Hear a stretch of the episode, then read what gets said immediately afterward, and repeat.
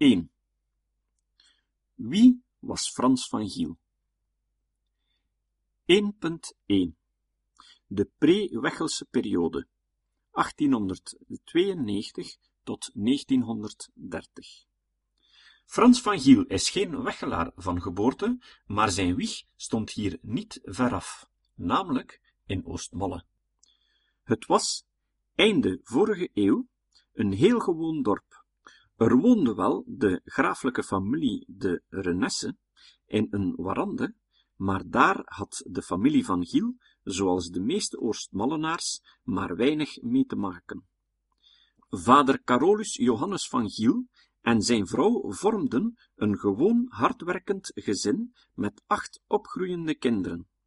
Karel was afkomstig van Zoersel, 1853, en huwde op 21 april 1880 in Vlimmeren met Maria Dimfna Hendricks, 1860. Uit de kwartierstaat blijkt dat begin 19e eeuw de familie verwant geraakt met de familie van Hemeldonk. De Kempense schrijver Emiel van Hemeldonk zal menig artikel over Frans van Giel publiceren. Karel van Giel en zijn vrouw kregen elf kinderen, waarvan er acht opgroeiden. De familie is ingeschreven in Oostmalle op 29 januari 1887, Steenweg op Hoogstraten 1. Ze kwamen van Rijkevorsel, waar de eerste vier kinderen werden geboren. Mathilde, geboren op 10 maart 1881. August, geboren op 18 juni 1882. Jeff, geboren op 30 mei 1884. Edward, geboren op 16 september 1886. Jules, geboren op 22 oktober 1888. Julia, geboren op 21 juli 1890. Frans, geboren op 16 juli 1892. Constantinus, geboren op 15 juni 1895, overleden op 7 juli 1896. Maria Josefa, geboren op 22 augustus 1896, overleden op 29 augustus 1897. Emile, geboren op 7 juli 1898. En Renatus, geboren op 14 februari 1901. En overleden op 22 februari 1901. Om al die monden te voeden, moest vader Karel hard werken.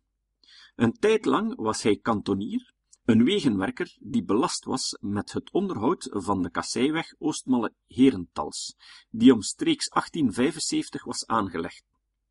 Wegdek, bermen en grachten hadden continu een beurt nodig.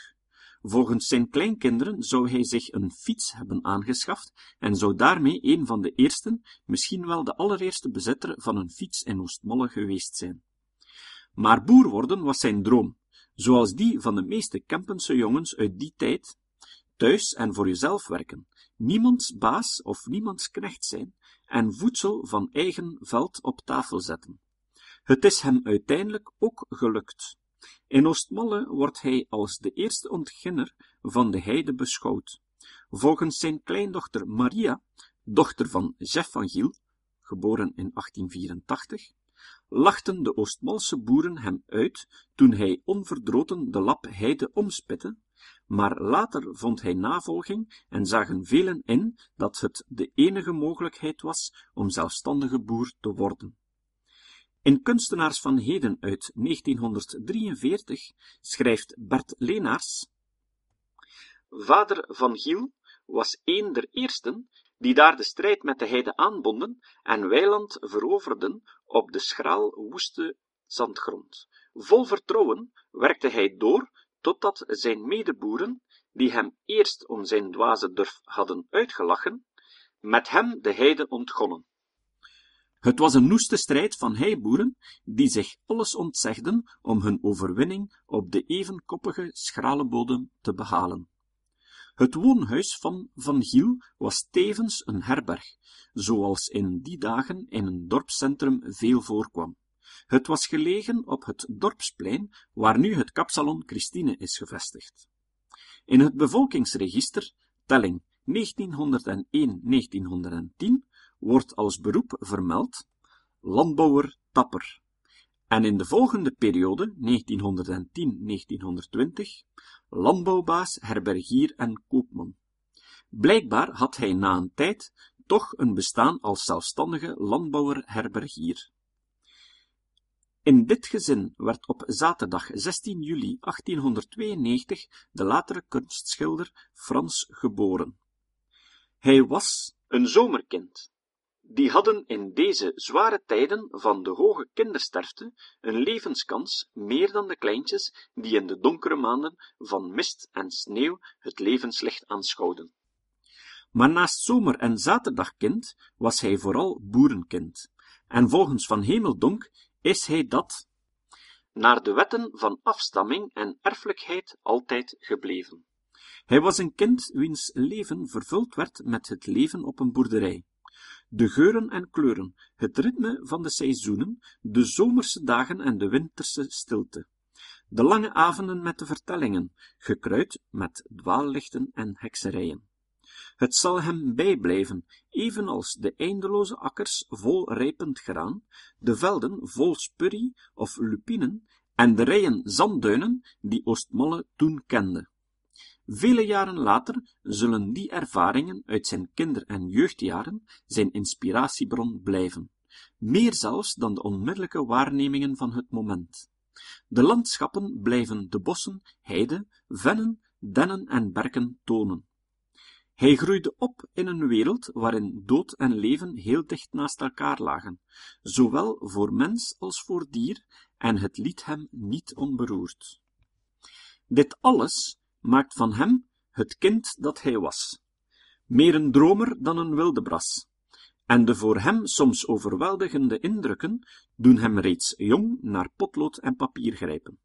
De kinderen van Giel moesten echter van hun vader Karel geregeld mee naar het veld, en voor iedereen was er wel een werkje naar hun kunnen. Frans zette zich stiekem achter een hooihopper, een haag of een stalletje en tekende gewonnen verloren. Broer Jeff, twaalf jaar ouder, knapte snel en handig het werk van zijn jongere broer op, zodat die een straf of uitbranding gespaard bleef. Frans was een leergierige, geïnteresseerde jongen, die openstond om zoveel mogelijk impressies van het leven in zich op te nemen. Als de kermis was opgesteld op het dorpsplein vlak voor hun woning, was de verleiding groot om tussen de kramen door te wandelen en het kermisvolk gade te slaan. Kermis fascineerde hem en thuis schetste hij kermistaferelen op de witgekalkte muur van de stal. Vanuit het dakvenster bekeek hij het kermisgebeuren. Hij zat als het ware midden in de geuren en kleuren, tussen de muziek en de vrolijkheid van het ogenblik. Die hoogdagen in het leven van de boeren uit zijn jeugd zouden hem blijven aanzetten dit gegeven als inspiratiebron te blijven aanboren. Maar zelf erbij zijn, het feest meemaken, was eerst echte vreugde. Zo bleef ook Zoersel Kermis, het dorp van zijn vader, met stip aangeduid en reed het ganse gezin met de huifkar op familiebezoek. Zoersel Kermis bleef hem ook als jongeling aanspreken. En dat hij niet om grappen maken verlegen zat, bewijzen de anekdotes over de beulingen die hij met behulp van een stok, waarop spijkers geklopt waren, uit het keldergat van een café opviste, samen met zijn vrienden. De beulingen lagen te wachten om als prijs bij het webschieten te worden uitgedeeld. Hij bleef het een geslaagde grap vinden, die hij meermaals aan zijn kinderen verteld heeft. Na de dorpsschool gaat de jongeling naar het Sint-Victor-instituut in Turnhout. De lust om te boeren was in de knaap nooit opgekomen, en zijn vader zag ook wel dat er uit Frans niet echt een boer zou groeien. Hij was pinter en snel, tekende graag en waarschijnlijk zou hij beter gedijen op een kantoor dan op een boerderij. Sinds 1899 hadden de Broeders van Liefde aan het Kasteelplein in Turnhout een school gestart. Maar het plan van vader Karel was een misrekening. Niet dat de schoolresultaten slecht waren, maar Frans zijn hoofd stond er niet naar. Alle interesse ging naar tekenen. Het was een drang om alles wat rondom hem en alles wat hem innerlijk beroerde om te zetten in een schets. Hij volgde intussen van 1804 tot 1908 de tekenschool in Hoogstraten, eigenlijk een voorbereiding op de vak- en nijverheidsschool in Antwerpen. Vader van Giel sprak op een prijsuitreiking, waar Frans de eerste prijs behaalde, Karel Boon aan, een man die toen naam had als historieschilder en voorzitter van de jury was. Hij zag duidelijk talent in de jongen. Vader wilde van hem weten of er met tekenen en schilderen brood op de plank kon komen. Karel Boon maakte duidelijk dat rijk zijn aan ideeën en talent niet steeds materiële rijkdom garandeert. Er zijn voorbeelden legio dat kunstenaars in armoede leven en sterven. Maar zou een opleiding tot decoratieschilder niet een oplossing kunnen zijn? In de vrije uren zou dan nog kunnen getekend worden, als de artistieke neiging dan nog zouden voortbestaan. En het beroepsleven sloot nauw aan bij de hobby. Vader van Giel was overtuigd en Frans was tevreden dat hij als zestienjarige Sint-Victor kon verlaten en in de leer mocht gaan bij Bouwman, in de Eggermondstraat in Antwerpen, een huisschilder en decorateur, die tevens directeur was van de vakschool voor decorateurs. Hij vertrok naar Antwerpen en vanaf 1712-1909 heeft hij Oostmalle verlaten en stond hij ingeschreven in de Lange Leemstraat nummer 344. Waarschijnlijk woonde hij in bij zijn oudste zuster Mathilde, die eveneens op 1712-1909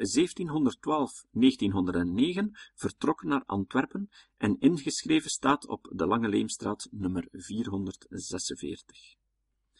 Hij hield het bij Bouwman maar één jaar uit. Hij leerde er omgaan met verf, kleuren mengen en nieuwe tinten zoeken. Maar het was niet genoeg voor Frans van Giel en hij vertrok. Bij Delru, specialist in decor- en plafondschilderingen, hoopte hij iets kunstzinniger werk te doen. Maar in 1910 is hij werkzaam bij Eliot, directeur van de Nijverheidsschool in Antwerpen. Daar specialiseerde hij zich gedurende twee jaar in hout- en marmerimitatie. 1912.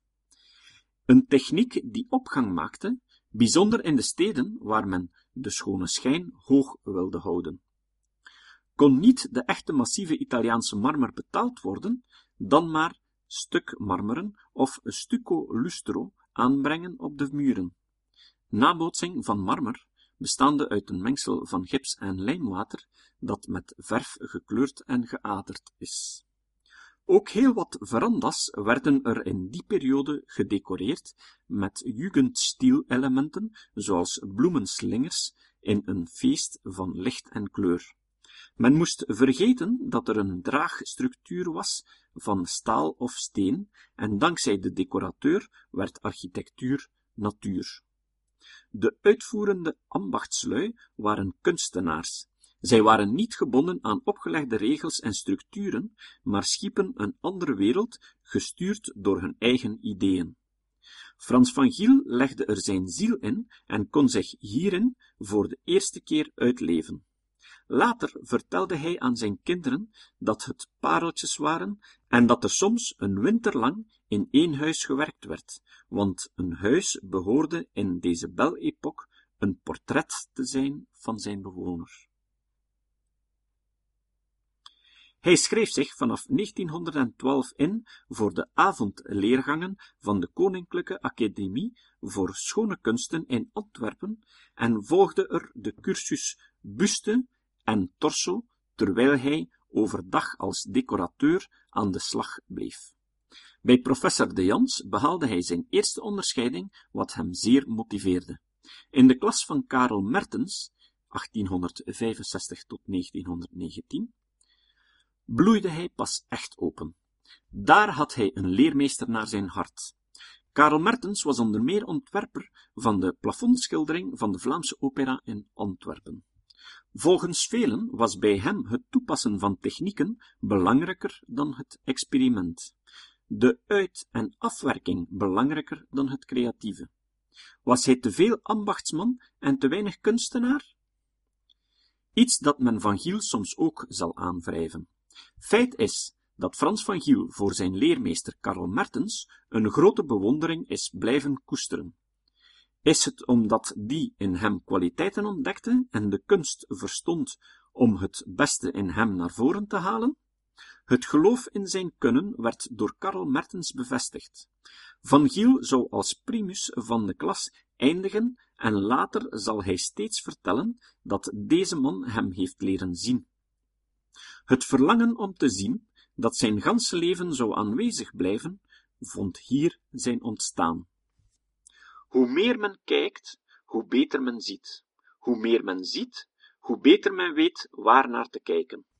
Een uitspraak van Teilhard de Chardin, die aangeeft hoe het komt dat kunstenaars die dingen opmerken in het geheel, in de chaos soms, waaraan anderen voorbijgaan. De andere leermeesters zijn grotendeels aan Frans van Giel voorbijgegaan en hebben niet veel blijvens nagelaten. Intussen was hij echt gebeten om te schilderen. Hij kon er niet genoeg van krijgen. Tijdens de lange werkdagen was hij decoratieschilder. De avonden werden doorgebracht in de academie en de vrije tijd, zon- en feestdagen, werd besteed aan eigen werk, meestal in Oostmalle, dat hem nauwer aan het hart begon te liggen. Hij ontdekte er tal van dingen die latent in zijn geest aanwezig waren, maar waarvoor hij eerst dan echt oog kreeg. Hij had veel contacten met de leerlingen van het Hoger Instituut van Antwerpen, die de Kempen opzochten om de typische Kempense karakterkoppen of idyllische plekjes te conterfeiten. In maart 1913 is hij opnieuw ingeschreven in Oostmalle, Dorpsplein 5. Hij was 21 jaar en opnieuw thuis. In 1914 brak de oorlog uit. Hij vluchtte naar Vlissingen voor een paar weken, maar keerde vrij vlug naar Oostmalle terug. De oorlog baarde hem niet echt zorgen. Hij woonde bij zijn ouders die een nieuw huis hadden laten bouwen, juist naast de boerderij op het dorpsplein, nu bewoond door de weduwe van architect Heilen. Volgens zijn zoon Jeff, geboren in 1923, zou zijn vader de voorgevel van het huis ontworpen hebben. Naast zijn werk in Antwerpen bleef de bijna enige interesse van Frans van Giel bestaan in tekenen en tekenen. Het was een periode van beginnen, herbeginnen, wegwerpen, vernietigen, zoals hij zelf ooit verwoordde. Altijd maar zoeken en verbeteren. Volgens Lennens mag je geruststellen dat Van Giel zijn stielkennis en stielvaardigheid als schilder vooral op eigen krachten verwierf door jarenlange zelfstudie. Vele jaren later vond Edward in het ouderlijke huis, dat hij intussen bewoonde, nog een aantal jeugdwerken van Frans van Giel. Opmerkelijk hierbij is een portret uit 1915 van zijn moeder Maria Hendricks. Hij zal later zijn vader meermaals portretteren, maar zijn moeder niet meer. Het is een zeer donker werk, waarin het gezicht en de handen oplichten. Haar contouren lopen verloren in de achtergrond. Hij beeldt haar uit in donkere kleding, zonder enig ornament, sieraad of lichte toets, zoals het voor een vrouw uit haar milieu en haar leeftijd, 55 jaar, toen gebruikelijk was. Ze poseert voor hem in alle eenvoud en haar zoon maakte haar hier onsterfelijk. Is het gelijkend? Was hij tevreden over het werk? Hij heeft het alleszins gedateerd en gesigneerd. Het is zeer duidelijk dat in dit werk invloed van Rembrandt van Rijn merkbaar is. De clair-obscur techniek werd hier nagevolgd. Vergeten we niet dat het ook in deze periode is, Wereldoorlog 1, dat hij in het Museum voor Schone Kunsten in Antwerpen op zondagen in opdracht kopieën maakte van de oude meesters. Zo kopieerde hij, zo douden zongen, van J. Jordaans, Het meisje met de valk, van Antoon van Dijk, De bruidstoet, van Breugel. Een werk van Pieter Paul Rubens uit 1616, De roof van de dochters van Leukippos. Nu een topwerk van de Pinakotheek in München, heeft hij eveneens gekopieerd. Later zou hij er voor de grap gelegenheidsjournalisten mee op een verkeerd been zetten. Zijn technisch kunnen was vrij hoog. Zijn technisch kunnen was vrij hoog, zodat hij als kopiist een aardige cent verdiende, maar tevens zijn kennis en vaardigheid kon aanscherpen. Op die manier achterhaalde hij de geheimen van structuur en coloriet, en ontegensprekelijk heeft hij hier als jonge schilder een ware leerschool doorlopen. Men kan smalend spreken over nabootserij, maar het is een feit dat dit werk de persoonlijkheid en de scheppende originaliteit in de jonge kunstenaar niet heeft gefnuikt. Van Giel zelf is steeds met vertedering aan deze periode blijven denken. Wiek van Giel, zoon van Edward, heeft nog een zevental jeugdwerkjes van zijn oom, waaronder Morgen, nog een anekdotisch werkje met veel detail. Later worden zijn landschappen ruimer en grootser. Bosdreef in Oostmalle is een herfstimpressie van zijn wandelingen als jonge man door Zalfen en Blommersschot. Er is ook het jeugdwerkje waarvoor de duiven van zijn broer Edward hem inspireerden. Trouwens, de duivensport fascineerde hem als jonge knaap. Een sport die vanuit de steden het platteland binnendrong, alle verzet van de socialisten en de geestelijken ten spijt. Ongeveer de helft van honderdduizend eigenaars van geringde duiven woonden op het platteland. Het gokelement in het spel was een doorn in het oog van veel parochiepriesters, maar stilaan werd het duivenspel het moment van verzet voor de eenvoudige volksmens. Frans van Giel is altijd wel wat blijven voelen voor vogels en duiven. Hij zal later zelf altijd sierduiven houden, niet ter competitie, maar om te genieten van hun sierlijke bewegingen, hun rustgevende aanwezigheid in zijn tuin, een lust voor het oog. De meeste van zijn jeugdwerken zijn niet gehandtekend, sommige op de achterkant. Toen Karel, zoon van Edward en neef van de schilder, hem later vroeg of hij die werken nog wilde handtekenen, heeft hij dat begrijpelijk niet meer gedaan. Als oudere, ervaren kunstschilder geconfronteerd te worden met beginnend jeugdwerk, zal hij wel onmiddellijk gezien hebben wat dit werk in zijn kinderschoenen deed staan. Het landschap moet begrepen en aangevoeld worden.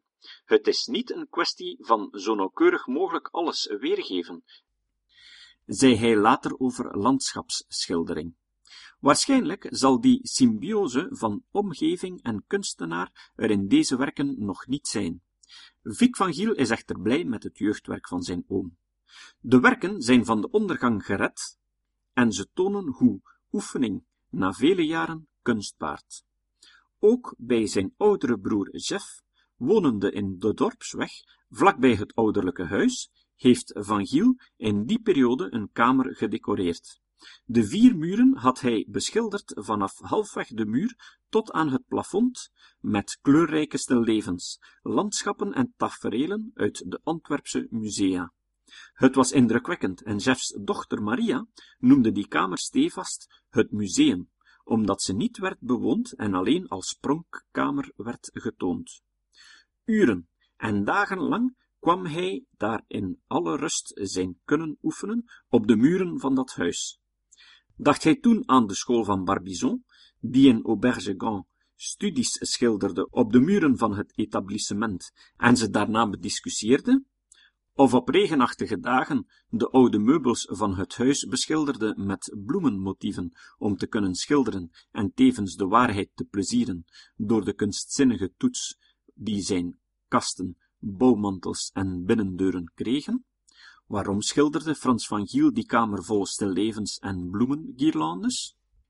Misschien als oefensessie op kosteloos materiaal? Maria van Giel herinnert zich dat er studies voor de stronkentrekkers op voorkwamen, een werk dat hij in 1942 voltooide en dat nu hangt in de raadzaal van het oud-gemeentehuis in Molle. Hij schonk het in 1951 aan de gemeente als blijk van erkentelijkheid toen hij ereburger van de gemeente werd. Het werk hangt op een prima locatie, vermits er het harde labeur van de bewoners van Bloemerschot en elders verrichten bij het ontginnen van de heide op vereeuwigd is. De struikentrekker was een soort voorloper van een kraan, een samenspel van katrollen en lieren, waardoor de struiken werden gelegd. De tornado van 25 juni 1967, die het centrum van Oostmalle teisterde, legde ook het huis van chef van Giel plat en vernietigde de muurschilderingen volledig. Ook deze familie bezit nog een groot jeugdwerk van Van Giel, namelijk de Lierse Lei, een werk met veel documentaire waarde. Het toont het grondig veranderde dorpsbeeld van de laatste honderd jaar. Het familiealbum toont allerlei foto's waaruit blijkt dat Frans van Giel tijdens zijn jaren thuis in Oostmalle een echte volksjongen bleef, ondanks zijn totaal andere interesse dan de meeste van zijn kameraden. Op 7 juli 1920 begint Frans van Giel aan een tweede episode uit zijn leven. Hij huwt in Merksem Julia de Laat, geboren op 8 februari 1896. Een meisje uit een welstellende familie, gegoede Antwerpse burgerij.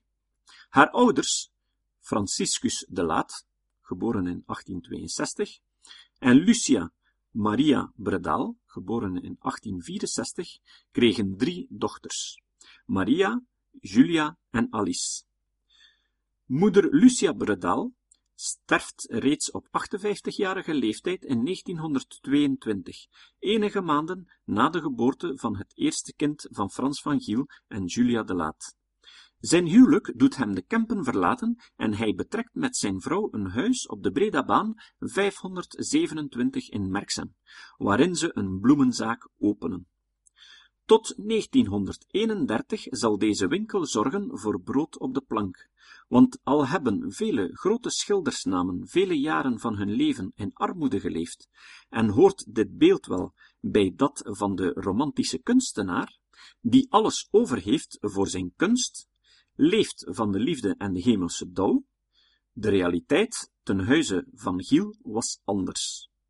Op 7 januari 1922 werd hun eerste kind geboren, Frans junior, gevolgd op 10 juni 1923 door een tweede zoon, Jeff. Het dagelijkse brood moest verdiend worden en Frans van Giel trok dagelijks naar de veiling om verse bloemen aan te halen. Zijn vrouw hield de winkel open, maakte boeketten, tafelversieringen en corsages en Frans voerde de bestellingen uit, eerst per fiets, maar al vrij snel schafte hij zich een tweedehands motto met zijspan aan. Dat stelde hem ook in de gelegenheid in de vrije tijd erop uit te trekken naar de Kempen, specifiek de Kalmthoutse heide en Wechelderzande. Hij belandde geregeld in De Keizer, waar hij volgens mondelinge getuigenissen zelfs een schildersezel had staan en schildersgerij achterliet, toevertrouwd aan de goede zorgen van moeder César, zoals de waardin door familie en vrienden werd genoemd, getrouwd met César Smans. Alhoewel Van Giel de schildersezel niet in volle natuur zette, zoals de generatie voor hem wel deed, hij maakte er wel schetsen en impressies, die hij thuis op zijn atelier kon uitwerken tot studies en olieverfschilderijen. Soms nam hij de jongens van zes en acht jaar mee naar de heide en de duinen in de sidecar. Het was een buitengewone ervaring, die ze hun ganse leven hebben bewaard. In 1924 nam hij voor het eerst deel aan een tentoonstelling in Zal Renis in Antwerpen. Was het een succes? Volgens Remy de Knodder In een publicatie door het Getij over Frans van Giel zou Paul de Mont onmiddellijk de waarde van het nog onvolwassen talent hebben gepeild. Een jong man van de buiten, die de buiten kent en lief heeft, en die zich door zijn schoonheden laat inspireren. Een jonge man die, om er te komen, zich nog moet bevrijden van zekere invloeden, tendensen. Alle kunstenaars beginnen toch met op zekere voorgangers te gelijken?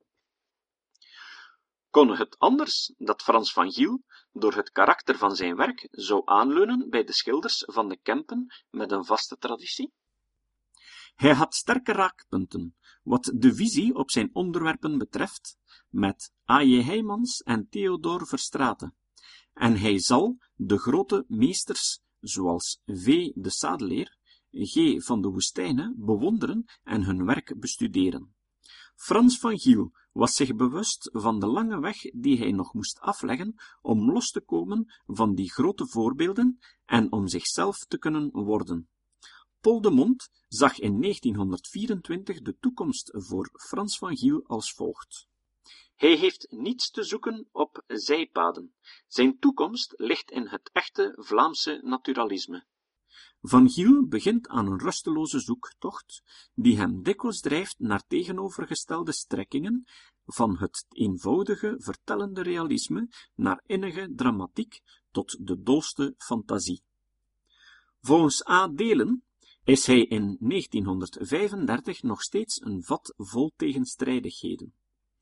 In 1927 brengt hij een bezoek aan het atelier van Jacob Smits. Alhoewel er een generatieverschil was, Jacob Smits geboren in 1855, verstoutte hij zich hem zijn werk te tonen. Frans vertelde later aan zijn zoon Jeff over dit bezoek aan de meester van Achterbos. Hij legde al mijn tekeningen ordeloos op de grond, bekeek ze, trapte eroverheen en zei: Dat is ten minste tekenen. Doe zo maar voort. Hij nodigde hem uit om nog eens langs te komen. Volgens Frans van Giel was het een compliment, want Jacob Smit was recht voor de raap. En als bezoek hem niet aanstond, wees hij het vrij resoluut de deur. Of er nog een bezoek is gevolgd, is onzeker, vermits Smit het jaar daarop in 1928 overleed. Er is wel een correspondentie geweest tussen hen, en zoals zoveel anderen is ook Van Giel wel beïnvloed geworden door hem. Boerengezin draagt onmiskenbaar sporen van Jacob Smits, maar er ligt anderzijds ook een wereld van verschil tussen hen. Hun trant van schilderen is compleet anders. In de portretten zouden nog het duidelijkst sporen van beïnvloeding aanwezig zijn. Het werk van Smits, vader van de veroordeelde, en Mijn vader, 100 op 100, van Van Giel uit 1928, zouden beiden voorbeelden zijn van het echte psychologische portret, geladen met een intens innerlijk leven. Zijn vader was 75 jaar geworden, op rust en woonde in een mooi huis in het centrum van Oostmalle. Hij was een tevreden man die terugkeek op een actief, hardwerkend leven. Zijn kinderen waren de deur uit en hadden een eerlijk beroep dat voldoening gaf. Het werk, Portret van mijn vader, werd onmiddellijk als sterk werk gecatalogiseerd en heeft erg knappe tekenkwaliteiten. Het is een psychologisch portret waarin de aard, het wezen, het innerlijke van vader Karel van Giel wordt getoond. De smalle lippen op elkaar verwijzen naar de vastberadenheid, zijn rechte houding verraadt een fierheid, en zijn handen rustend op de leuning zijn met zo'n toewijding geschilderd, alsof het een eerbetoon was aan al het zware werk dat ze verricht hebben. Van Hemeldonk zei eens: Een portret is meer dan een landschap, maar misschien kan het beschouwd worden als het landschap van de ziel. In dit portret heeft hij zijn vader neergezet zoals hij hem zag, zoals hij er voor hem was. Een vastberaden man, maar tevens zachtaardig en mild. Vergelijkend met een foto van Karel van Giel oogt hij op het schilderij innemender, ook iets minder strijdbaar. Als een schilder je portret maakt, spreekt hij, of je wil of niet, een oordeel over je uit. Hij toont in hoeverre hij je wezen begrijpt en wat hij erover denkt. Schreef Marnix Gijssen naar aanleiding van een portret dat Victor Suy van hem maakte. Van Giel kent zijn vader door en door. Hij kan in zijn wezen doordringen en zijn scherp oog, c'est l'œil qu'il faut, tast hem als het ware af. Het resultaat is de waarheid getrouw gebleven. Twee jaar later vierde vader Karel met zijn vrouw hun gouden huwelijksjubileum, 1930. Een feestelijk gebeuren dat niet onopgemerkt voorbijging in Oostmalle. Een familiefoto met kinderen en kleinkinderen mocht niet ontbreken, want het volledige gezin, acht kinderen en hun partners, waren allen nog gezond en wel. In 1932 sterft moeder Maria Hendricks. Karel zal zijn vrouw nog veertien jaar overleven. In november van 1929 gaat Frans van Giel internationaal en het is via een vriend, woonachtig in Buenos Aires in Argentinië, dat er daar in diens galerij, La Galeria Naumans, een tentoonstelling werd opgezet. Het zal wel een hele onderneming geweest zijn, maar veel impact heeft het niet gehad, noch op zijn werk, noch op een doorbraak. In datzelfde jaar deed hij mee aan Als ik kan, een driejaarlijkse tentoonstelling van moderne kunst. Hij blijft in die jaren zoeken naar zijn eigen palet, want volgens Bert Lanens kon hij toen nog in het ene werk een Valerius de Sadeleer zijn, naast andere werken waarin hij dan weer schatplichtig was aan Breugel. Wel lezen we dat kunstcritici uit die periode zijn werk rijper vinden en dat het wint aan vaardigheid en bekoring. Intussen woont Frans van Giel met zijn gezin al een tiental jaar in de stedelijke omgeving. Rijdt hij zoveel als mogelijk is naar de Kempen en voedt hij op zijn atelier zijn hunkering naar de natuur van zijn geboortestreek door de schetsen, gemaakt op de wandelingen, uit te schilderen en te bewerken. Toch blijven landschapsschilderingen in die periode beperkt. Paul Smolders, Oostmalle, geboren in 1921, die later in Frans van Giel een leraar en mentor vond, zegt over die periode in Van Giels leven hij ontdekte na enkele jaren al dat het leven in de stad hem nooit ten volle zou toelaten gelukkig te leven en gelukkig te schilderen. Veel werk uit die periode is bepaald door het vormexperiment. Hij zocht naar onderwerpen waar hij op geen enkel gebied aan de natuur gebonden was en in volle vrijheid kleur kon zetten, zoals het in zijn verbeelding opkwam, onder andere nymfen tussen de reuzenpaddenstoelen. Van Giel te Antwerpen zou nooit de schilder van de landschappen geworden zijn. In deze periode schilderde hij ook Tentatie van Sint Antonius, waarin hij zich als een gemoderniseerde Jeroen Bosch ontpopt. Ook Markt uit 1929 is fictie, een compositie, een experiment met vorm.